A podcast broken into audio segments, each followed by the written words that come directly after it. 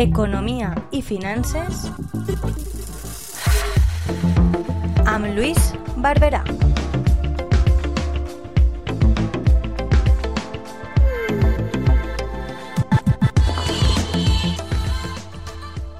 Buenos días amigos y amigas de la Tuba Radio. Soy Luis Barbera y como todos los meses nos encontramos en esta sección de Economía y Finanzas. El artículo de este mes lo hemos titulado La fusión de Caixa y de Bankia. Así que empezamos y empezamos diciendo lo que sería cabecera si nuestra especial radio fuera un periódico o revista. Tendría como título, por fin, el sueño catalán se ha hecho realidad. Y es que amigos, los que hemos estado un buen porrón de años trabajando en cajas y bancos, hemos conocido de primera mano la grandísima rivalidad que siempre ha existido entre la hoy denominada La Caixa, antigua caja de pensiones para la vejez y de ahorros de Cataluña y Baleares, luego Caja de Ahorros y Pensiones de Barcelona, y la actual Bankia, que antes de su fusión con la Valenciana Bancaja era ni más ni menos que la ultrapoderosa Caja de Ahorros y Monte de Piedad de Madrid o Caja Madrid. En el caso de la Caixa, en su desenfrenado crecimiento, donde tendríamos que remontarnos unas decenas de años para atrás, la han ayudado todos los colores políticos de cada momento. Realidad que misteriosamente desaparece en su historial público, donde no refleja para nada la adjudicación a dedo que se le dio a esta de una cantidad significativa de cajas rurales en su mayoría del norte y centro del país, daciones casi sin coste, a cambio de ir tapando la maltrecha gestión de lo que había sido Banca Catalana, una promoción personal del señor Jordi Pujol, donde metía mano hasta la mano incorrupta de Santa Teresa de Jesús, que provocó que esta entidad se fuera al traste como prácticamente todas en las que ponen sus manos los políticos. En la sede social de la Caja de Ahorros y Montepío de Madrid, tanta adjudicación no cayó para nada en gracia y se les compensó con alguna que otra entidad que más bien duplicaba oficinas que otra cosa, pero ante la opinión pública madrileña que consideraba su caja como suya, le cerraban la boca. No fue hasta la última sesión de grandes fusiones de las cajas de ahorros de no hace muchos años, cuando se le entregó a Caja Madrid la Caixa Layetana, tras bastante oposición catalana. Una dación en territorio hostil que consiguió calmar definitivamente aquellas aguas que bajaban turbulentas desde tantos años atrás. Pero lo que menos se iban a imaginar aquellos prebostes de la madrileña es la realidad de hoy, tras el desenfreno expansionista de Miguel Blesa, que en diez años convirtiera a la entidad madrileña en la cuarta entidad financiera del país por delante de bancos de mucho postín, un gigante con pies de barro, cuya huella de casi 300 años desde que un fraile inaugurara aquel monte de piedad inicial ha quedado definitivamente lastrada. Las que en su día fueran exitosas cajas de ahorro han quedado relegadas al olvido. Y es que eh, al incansable Isidro Fainé, refulgente presidente de la Caixa, por fin ha conseguido a la tercera, pues en las dos primeras no lo consiguió, quedarse o apropiarse de esta suculenta pieza. En 2012 lo frenó un Rodrigo Rato que no quería seguir, quedar el segundón de aquella fusión, así que Rato, que venía escamado del Fondo Monetario Internacional, quiso alzarse como primer espadachín y de paso forrarse un poquito, y optó por fusionar Caja Madrid con la Bancaja Valenciana, donde ahí nadie lo iba a sacar del primer puesto, no solo por el control político, sino por los números de la otra. La segunda vez en que Feine lo intentó fue en el 2017, cuando Luis de Guindos, más técnico que político, consiguió el placer de Rajoy sin prácticamente oposición, pues Caja Madrid, como un morlaco derrotado, esperaba la puntilla. Pero la moción de censura del 31 de mayo frustró el proyecto. Y a la tercera hora ha sido la definitiva. Bankia se había convertido en un problema de los gordos y no por la profesionalidad de José Ignacio Goiri Golzarri, sino por los siguientes puntos.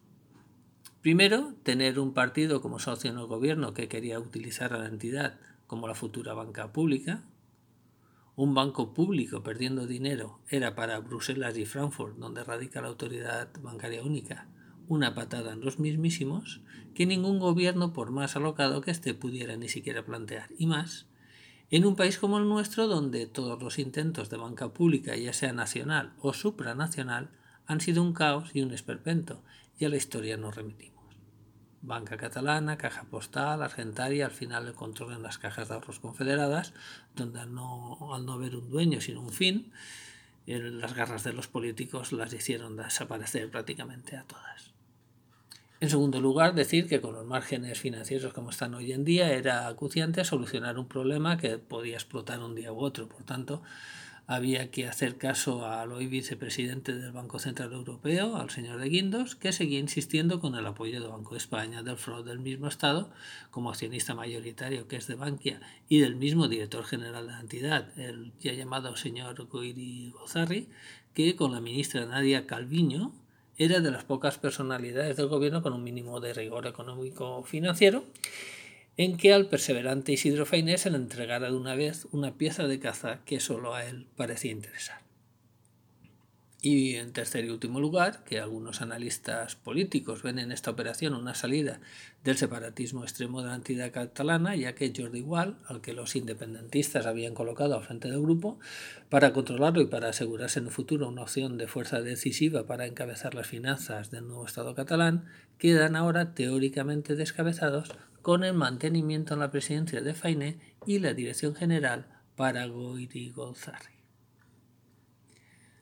Aparte de lo anterior, en cuanto al problema del empleo, nos aseguran que no sería tal, a pesar de ser miles de principio, unos 10 o 15 mil, los trabajadores que verían peligrar sus puestos de trabajo. La reducción de costes y la recuperación de una pequeña parte de aquellos 22.000 millones de euros que se destinaron en su día a tapar el agujero de Caja Madrid parece que, eh, que son causa suficiente para que hasta los mismos sindicatos presentes en las dos entidades, no solo UGT o comisiones como mayoritarios, sino también la gran diversidad de muchos otros allí existentes, profesionales y hasta separatistas en el caso de la Caixa, se hayan abstenido de pronunciarse en demasía.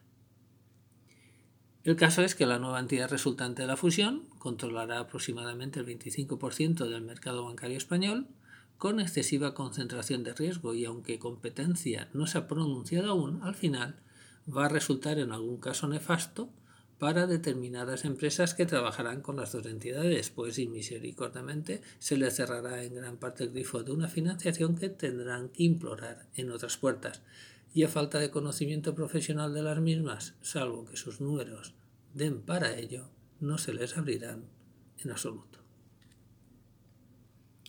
La rentabilidad sobre recursos propios en Bankia está en poco más del 3% y del 8% aproximadamente en CaixaBank, así que todo el mundo especializado opina, y parece que va a ser definitivamente así, que los puestos a repartir serán del 75% para los directivos provenientes de la Caixa y del 25% para los de Bankia. No queremos ni imaginar dentro de cada entidad, sobre todo en Bankia, la guerra cuchillo que debe estar desatada por allí para ubicarse. No crea nadie que la Caixa ha hecho un favor al Estado. ¿eh? No es así. Ahora mismo a CaixaBank, que así será llamada la nueva entidad, o sea, desaparición completa de cualquier rastro anterior de raíz no catalana, le han regalado una entidad maltrecha, pero que tiene de capital 12.000 millones de euros en su balance, suficiente para financiar futuros despidos y de paso sobrarle para otros asuntillos.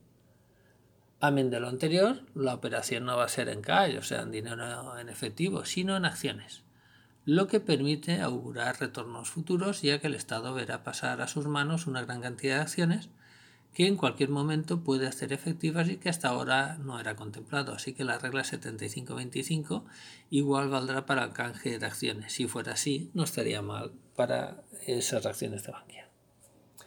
Y ahora un último aviso para analistas políticos que piensan que con esta operación se ha acabado el problema de un separatismo latente en una entidad tan importante como era la Caixa. Pudiera que fallaran en sus vaticinios y fuera peor. Me explico. Fainé reaccionó al referéndum del 1 de octubre trasladando la sede social a Valencia, aunque los servicios centrales continuaron en Barcelona, donde se siguen tomando las decisiones importantes. Ya ven que la sede social puede cambiar de la noche a la mañana, no hay problema. El nacionalismo catalán apenas ha movido ficha. ¿Saben por qué? Porque han sacado cuentas. Y vamos a intentar explicarlo. El 30% aproximadamente del capital de la nueva entidad va a quedar en manos de la Fundación Bancaria de la Caixa, un órgano que se creó tras la desaparición de la obra social. Actúa como un consejo donde además de gente más o menos seria como César Arierta, Javier Solana o Javier Godó, que poco o nada tienen que ver con el separatismo, también hay personajes como José López Burniol, siempre a favor de la última palabra del proceso. Y si a esto añadimos que aproximadamente un 15% del capital estará en poder del Estado, que se verá obligado a ir deshaciéndose del mismo, nos preguntamos, ¿Quién podrá estar interesado en acumular el suficiente número de acciones para en el futuro domeñar a esta entidad? Eh, ojo, ya hemos dicho 30% por un lado, 15% por otro lado, 45%, en nada mayoría. Amigos y amigas, este va a ser el gran interrogante del futuro. Bueno, Esperemos haya sido de vuestro interés este artículo y nos despedimos de vosotros y de vosotras hasta el próximo mes. Recibid un fuerte abrazo.